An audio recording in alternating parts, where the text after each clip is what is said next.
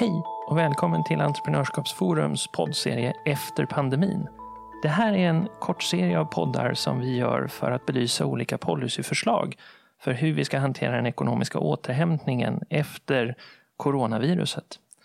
Och med oss idag har vi Jasmin Aran Moder som är VD för Altitude Meetings i Skåne. Välkommen!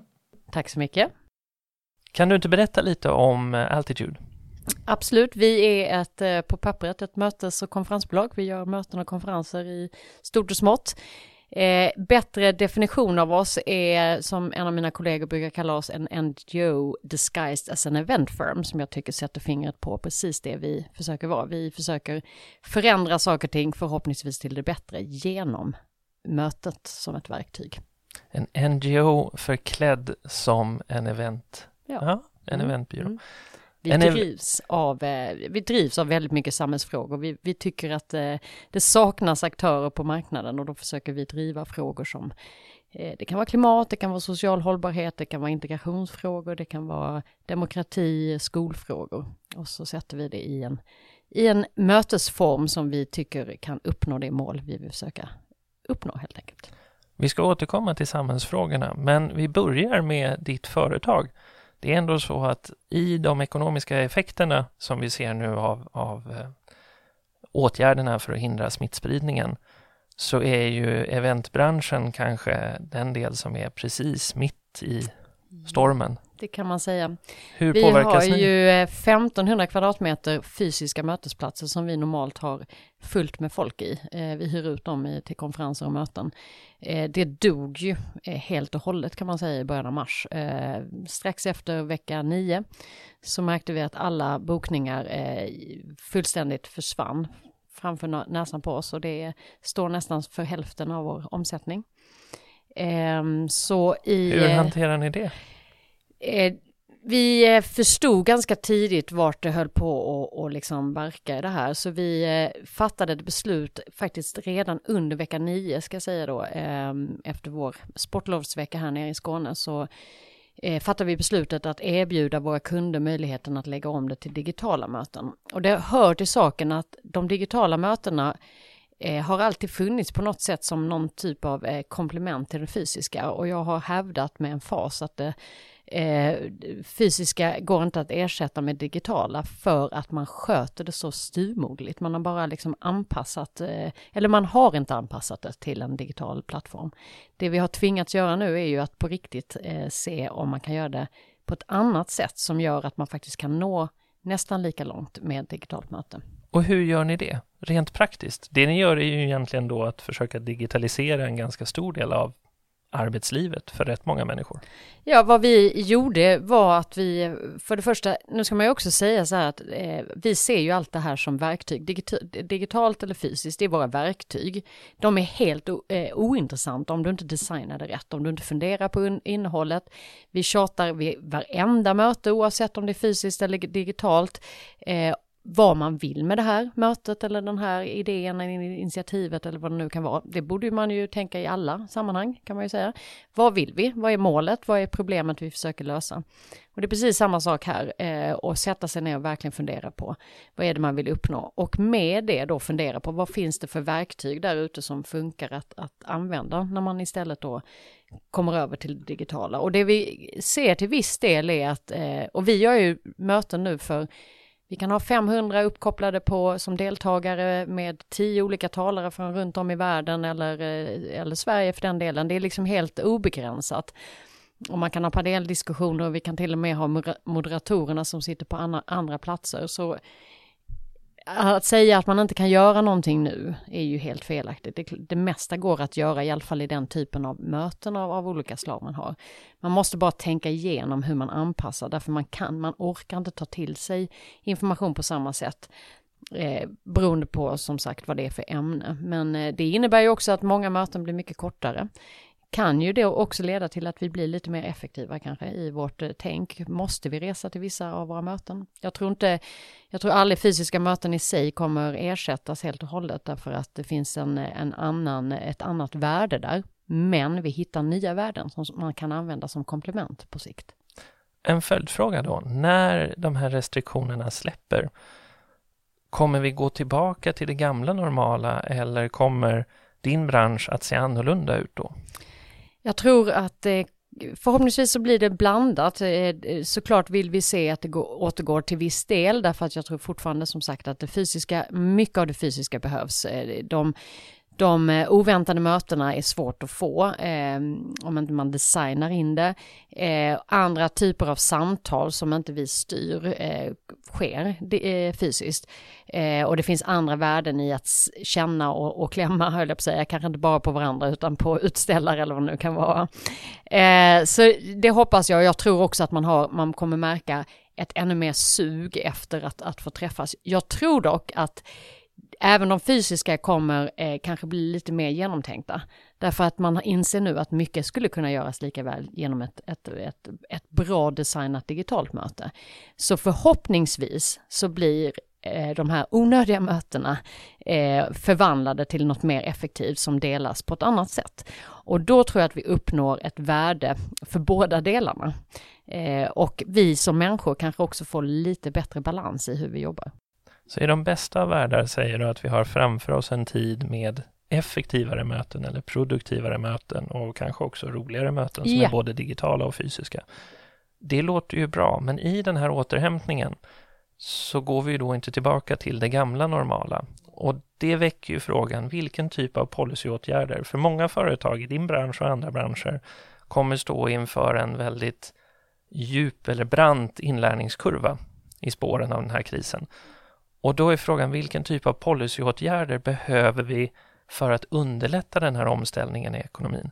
Ska, vi, eh, ska alla bolag i din bransch göra precis den resan du gjorde eller vad, vad finns det, om du tar ett steg tillbaka till de här samhällsproblemen du pratar om, vilket är samhällsproblemet vi behöver lösa för att förbättra den ekonomiska återhämtningen och hur gör vi det?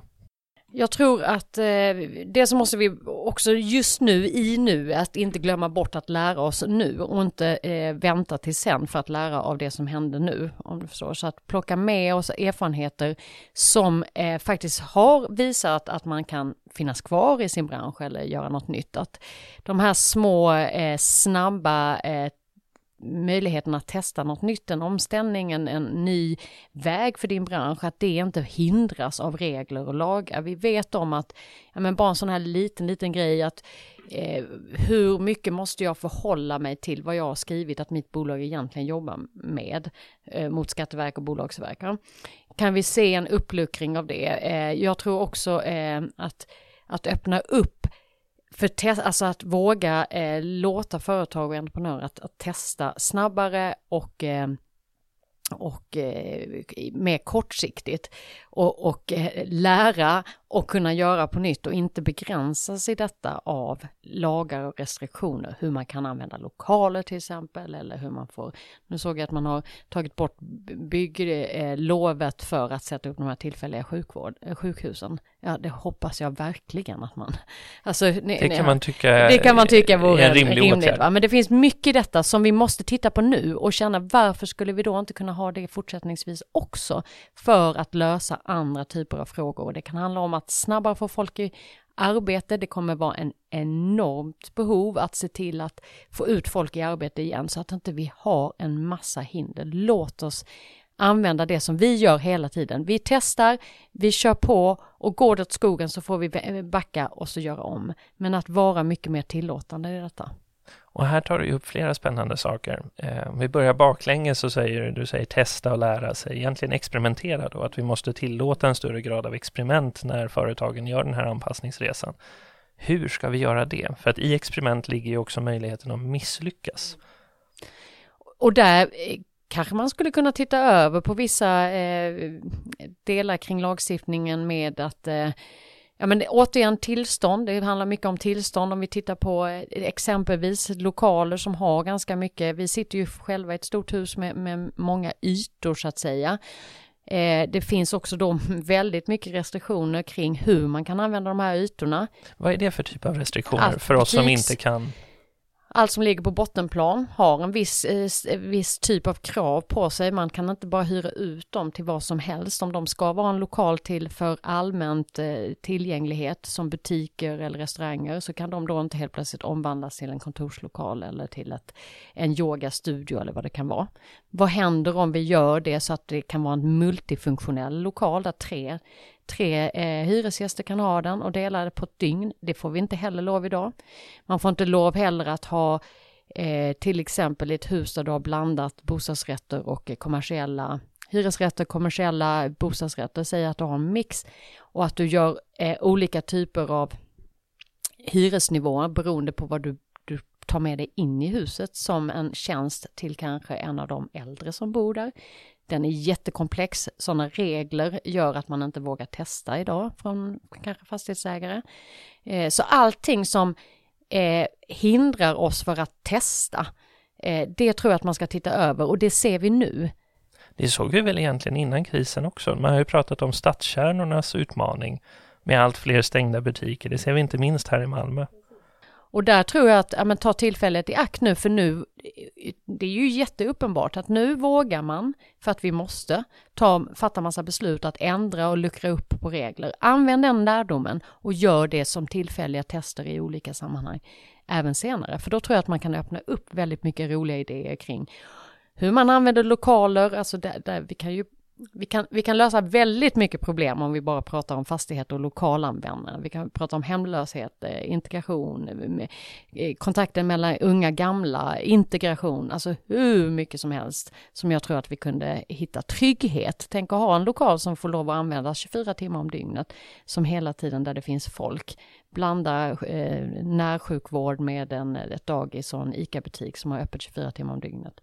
Så bara genom att lätta på användningen av lokaler på en kommunal, lokal nivå så skulle man kunna möjliggöra experiment och då skulle det dessutom kunna möjliggöra olika typer av experiment i olika delar av landet. Jag skulle säga att det är en, en, en jätte, jag tror det är en bra eh, idé såklart, för den kom från mig. Nej. Men jag tror det är en bra, det, men det är en, en ganska, eh, jag tror inte det behöver påverka någon egentligen så hemskt mycket. Eh, man får ju naturligtvis titta på alla konsekvenser, men det här är typiskt en sån här sak som jag tror man kan göra ganska enkelt. Sen finns det ju andra eh, delar, just det här experimentdelen, som man säkert skulle kunna titta över och diskutera kring att våga eh, starta upp eh, idéer eller samarbeten mellan oheliga konstellationer för att nå eh, snabbare resultat. Vad är en ohelig konstellation? Ja men det vi väl har sett många gånger är ju att eh, vi jobbar ju en hel del med social entreprenörskap och sociala innovationer. Vi ser att många av de här bolagen som kanske, eller entreprenörerna eller kommer in med idéer som skulle kunna hjälpa till att till exempel jobba med förebyggande hälsa eller förebyggande insatser vad gäller kriminalitet och så vidare. Problemet är ju att så som det ser ut idag så är det ju alltid så att vi möter staten eller det offentliga så att säga möter ju först när krisen är där, därför det är de pengarna vi har budgeterade. Men vi har då inte samtidigt budget för att lägga det på förebyggande. Vad händer om man skulle kunna jobba mycket mer med de här idéerna, de här entreprenörerna, de här sociala eh, innovationerna som skulle kunna bidra till att vi blir mer förebyggande, mer resilienta, men att det är någon annan som betalar så länge tills det offentliga ser ett utfall. Det brukar kallas för sociala utfallskontrakt eller vad du nu har. Det finns många olika varianter av detta.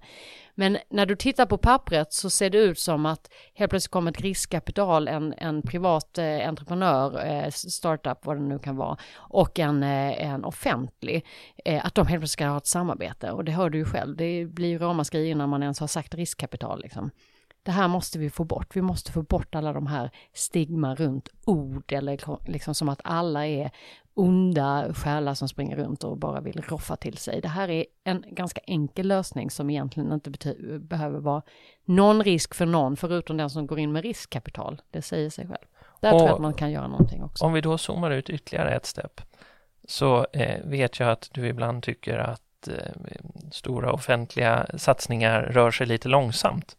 Hur ska man då från ett policyhåll främja den här typen av experiment och samtidigt, du säger det är viktigt att vi samlar in lärdomar och lär oss av det här. När vi utvärderar policyinsatser brukar det ske på många års sikt. Ja men återigen lära av det eh, så som vi faktiskt agerar nu, att vara snabbare och våga eh, testa. Eh, I den stora, alltså utifrån det offentliga, vara, använda de verktyg som finns i eh, upphandling, att faktiskt använda i så fall upphandling på ett, ett sätt som faktiskt går att göra återigen sätta sig själv i sitsen att, att verkligen fundera på vad vill jag ha ut och skriva upphandlingen efter det. Och då kunna också testa mycket, mycket mer kring det här snabba test, eh, man behöver inte styra exakt vad man upphandlar utan de här Att göra små utvärderingar exakt, helt enkelt. Exakt, exakt. Små utvärderingar, små tester och det kan du styra i hur du skriver din upphandling. Ibland är man så rädd att det är någon myndighet som kommer komma klampandes in om du gör fel, men det är ju faktiskt du som skriver upphandlingen som har verktyget att styra. Och då kan du göra det genom att göra det kort. Snabba utvärderingar, snabba lärdomar, ha en närmare dialog med de aktörer som faktiskt har möjlighet att springa snabbt.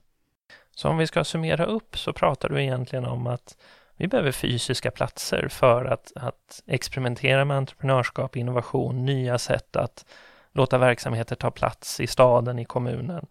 Och ett sätt att göra det är att se över hur vi jobbar med reglerna för hur olika lokaler får användas och det borde vi kunna göra både lokalt och nationellt. Och dessutom så skulle vi kunna använda upphandlingsverktyget för att ytterligare röra oss mot det man kanske skulle kalla innovationsupphandling eller åtminstone någon typ av Eh, lärande upphandling. Lärande upphandling. Mm. Lite tweaka den. Men där tror jag att du har några områden som man skulle kunna göra någonting på snabbt. Man kan lära av nuet, ta med sig det in och faktiskt eh, skapa ännu mer möjligheter framåt snabbt efter att vi har kommit eh, över på den andra sidan. Utmärkt! Och om ni som lyssnar har kloka förslag så får ni gå in på hemsidan och så ser ni vad som gäller för att lämna in ett policyförslag till vår utlysning Ekonomin efter pandemin. Och med det så tackar jag Jasmin. Tack, Tack så mycket. Vill Tack ni veta mer om Entreprenörskapsforums arbete och den här satsningen på ekonomin efter pandemin så kan ni gå in på vår hemsida. Där hittar ni en särskild undersida som heter just Efter pandemin. Där finns det en utlysning för vi försöker samla in policyförslag på mellan 1000 och 2500 ord. Alla inskickade förslag granskas av våra forskare och de som blir accepterade publiceras i en särskild rapportserie. Ni hittar både reglerna för utlysningen och de publicerade rapporterna på sidan tillsammans med de podcastavsnitt vi gör i den här serien. Tack för idag!